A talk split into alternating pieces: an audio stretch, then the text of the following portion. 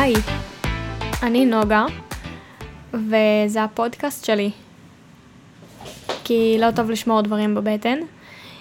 במידה ותשמעו רעש כלשהו במהלך ההקלטה, יש לי שני חתולים, אחד מהם כרגע ממש מריח את המיקרופון, אז uh, אני אצטרך שתסלחו, וגם דורך על המקלדת, אז תתעלמו מהרעש.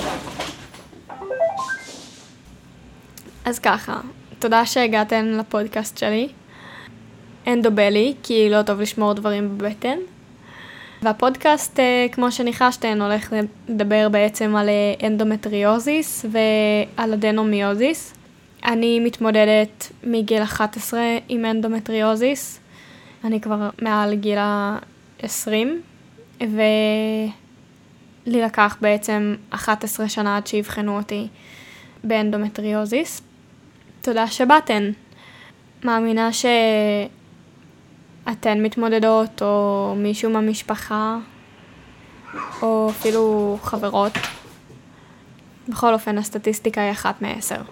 אז הפודקאסט בעצם בא לדבר על איך האנדומטריוזיס משפיע עליי ביומיום, ולשפוך קצת אור על הנושא של באמת איך מתמודדים, מה עובר עלינו.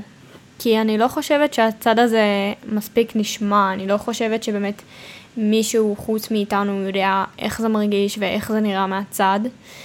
אני יכולה להגיד שאני עברתי לפני שלושה חודשים ניתוח בתל השומר, ומאז הניתוח המצב שלי לדעתי בכל אופן הרבה יותר חמור ממה שהיה לפני, שזה כמובן משהו שאני לקחתי בחשבון. אני רציתי לעבור ניתוח בגלל שלא ראו אצלי כלום בבדיקות.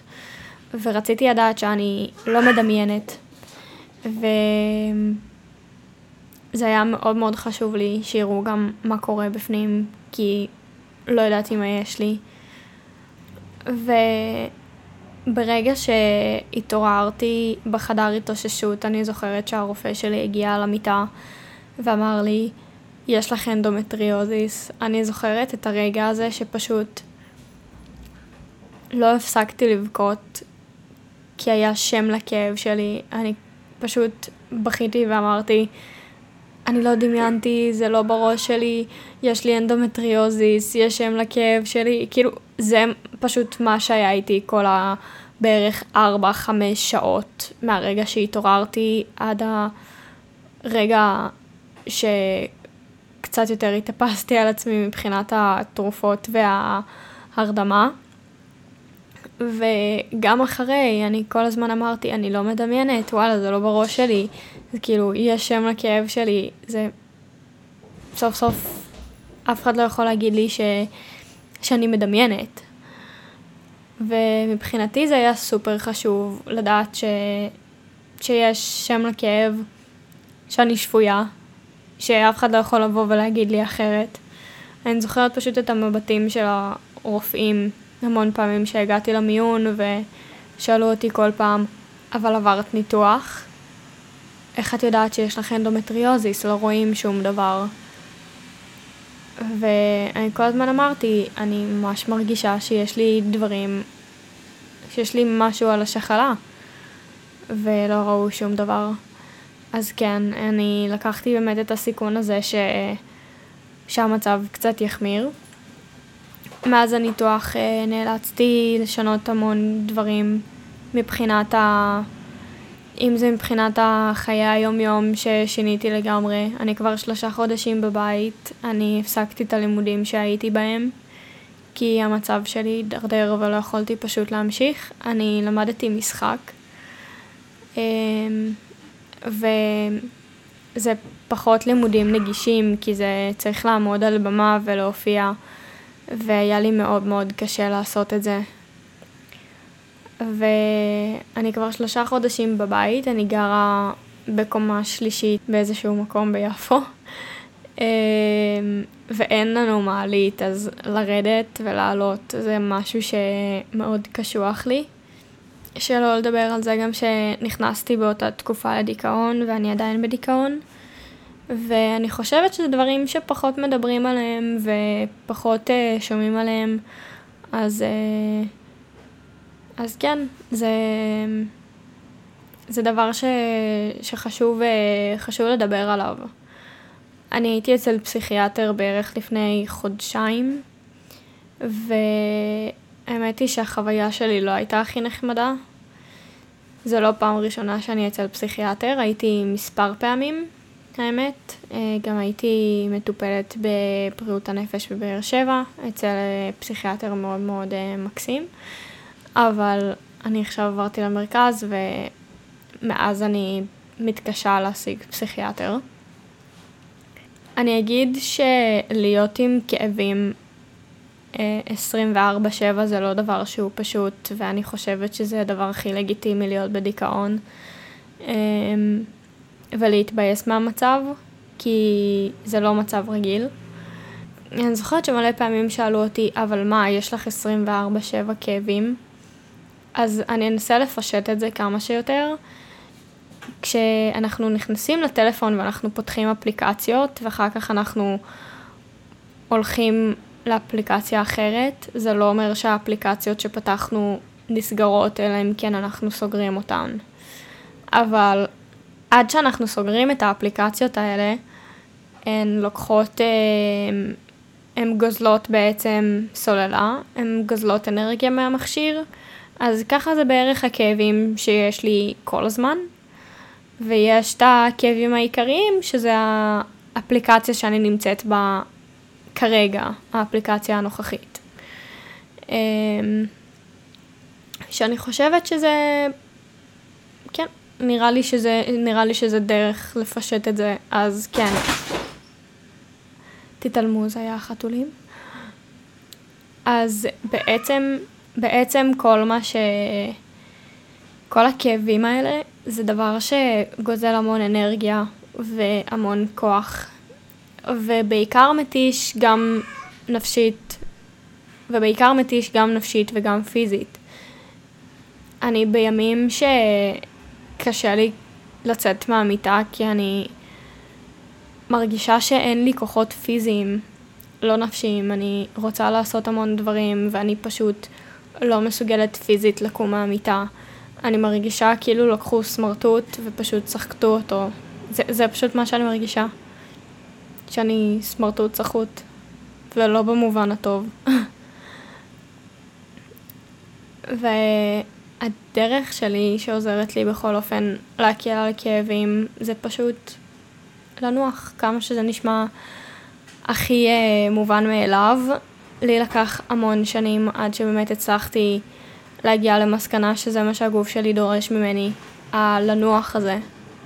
כי יש אנשים שזה לא פשוט בשבילם, אני הייתי בן אדם שעובד נונסטופ, אה, עבדתי שישה ימים בשבוע, שזה די הרבה. והייתי עובדת 12 שעות ביום, שזה לא פשוט בכלל, ואני הגעתי למצב שפשוט קרסתי. הגוף שלי פשוט אמר לי, די, אני לא יכול יותר. וזה חשוב לתת לגוף לנוח, זה לא דבר שהוא מובן מאליו. כאילו זה דבר שהוא מובן מאליו, פשוט צריך לעשות את זה. אבל זה לא דבר שהוא קל. אז תקשיבו לגוף שלכם, הוא באמת מדבר, כדאי להקשיב לו. אני זוכרת את התאריך ש... ששמעתי בפעם הראשונה על אנדומטריוזיס, זה היה... זה היה בחודש אוגוסט. הייתי... תסלחו לי, אני פשוט אה, ממש ממש עייפה, ואני לא יכולה לישון, האמת היא שאני ממש ממש עם כאבים כרגע.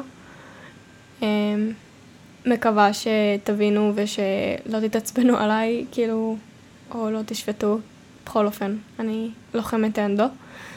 וכן, אני מאוד מאוד עייפה ואני פשוט לא מסוגלת לישון, אז אני כרגע מקליטה את הפודקאסט כדי שבאמת אה, הפרק אה, יצא כמה שיותר אה, מוקדם. אה, אגב, מי שלא מכירה את הקהילה של אנדומטריוזיס ישראל בפייסבוק, זה אחלה דבר.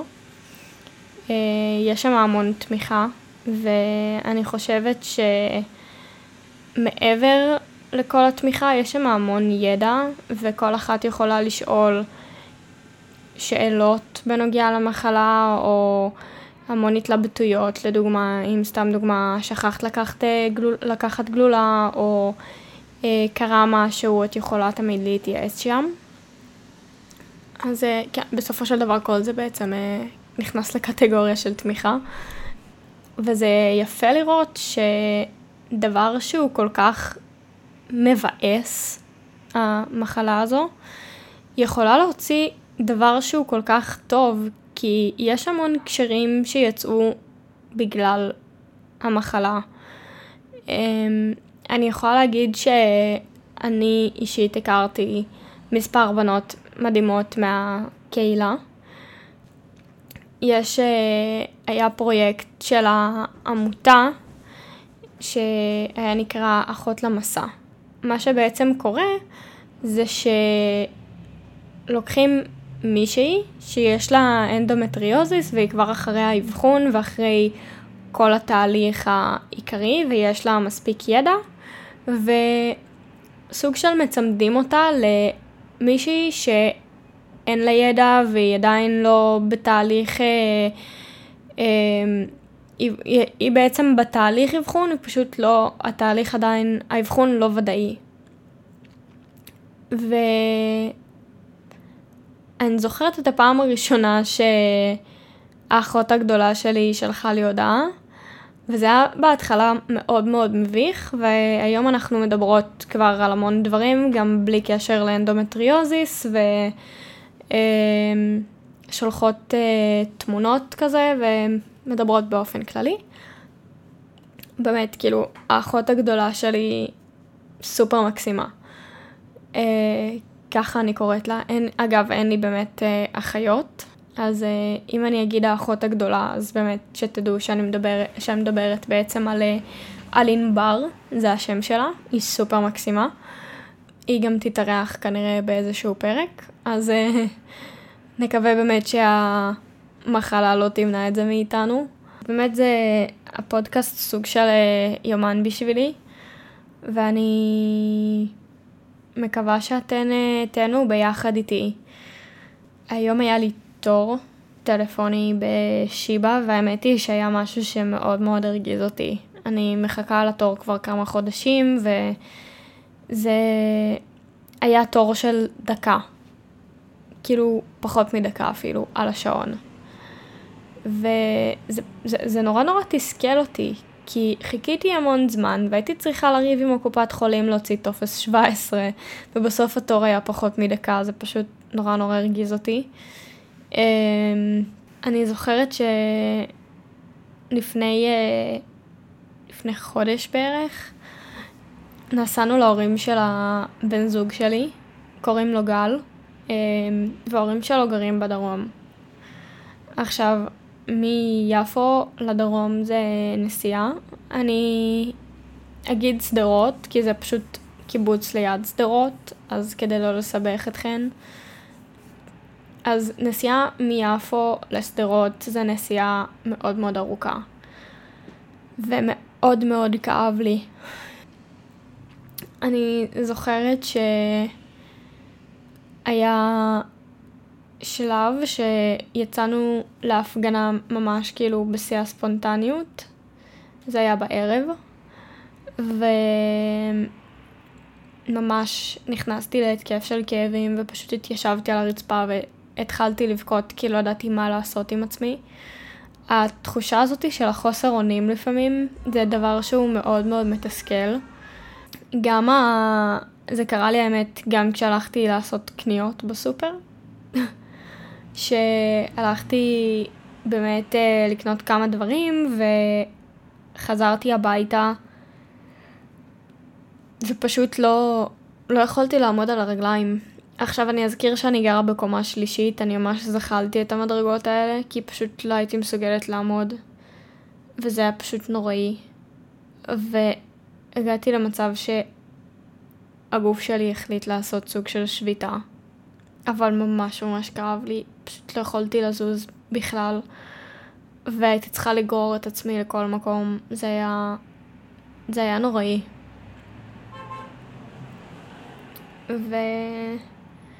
וזהו, אני חושבת שבאמת משהו ש... שכדאי שאנשים ידעו זה ה... זה כמה באמת הדבר הזה מביא לנו סבל. כי לא שומעים על זה מספיק, זה לא, זה לא הוגן. זה, זה משהו שצריך להישמע. וזהו. אני נורא נורא מצטערת אם הפרק היה נורא נורא מבולגן. אני מאוד מאוד עייפה, אני עם כאבים, ואני מקווה שתבינו אותי. הפרק הבא יעלה בעוד שבועיים, במידה ובאמת תהיה היענות. אמ, אני חושבת גם שזה בעצם מה שמיוחד בפודקאסט, שהוא לא מסודר, שהוא בעצם קופץ כזה מנושא לנושא, ובעצם יש לו את האופי שלו, כזה. זה, זה משהו שלדעתי נחמד. אז uh, אני אגיד לכם תודה, ומעבר לזה שאני אגיד uh, תודה, um, אני רוצה קצת uh, להגיד תודה לגוף שלנו. אני החלטתי שאני אומרת יותר תודה על הדברים הקטנים, um, או שזה לא כזה קטן בעצם. זה, זה בכלל לא קטן. הגוף שלנו סוחב אותנו וגם לא כואב והוא הוא, הוא גם מתוסכל מהמצב. זה לא כיף לו. הוא כאוב. אז תודה לגוף שלנו שסוחב אותנו כל יום, ועדיין נותן לנו לעמוד על הרגליים. אמ, וגם אלו שפחות עומדות על הרגליים, עדיין, הגוף עדיין צריך להגיד לו גם תודה. אני אשתף ואני אגיד שאני משתמשת במקל הליכה. אני מאוד מאוד קשה לי לעמוד על הרגליים, אבל עדיין צריך להגיד לגוף שלנו תודה על זה שהוא באמת סוחב אותנו עוד יום. ותודה רבה לכן. אז uh, ניפגש בפרק הבא.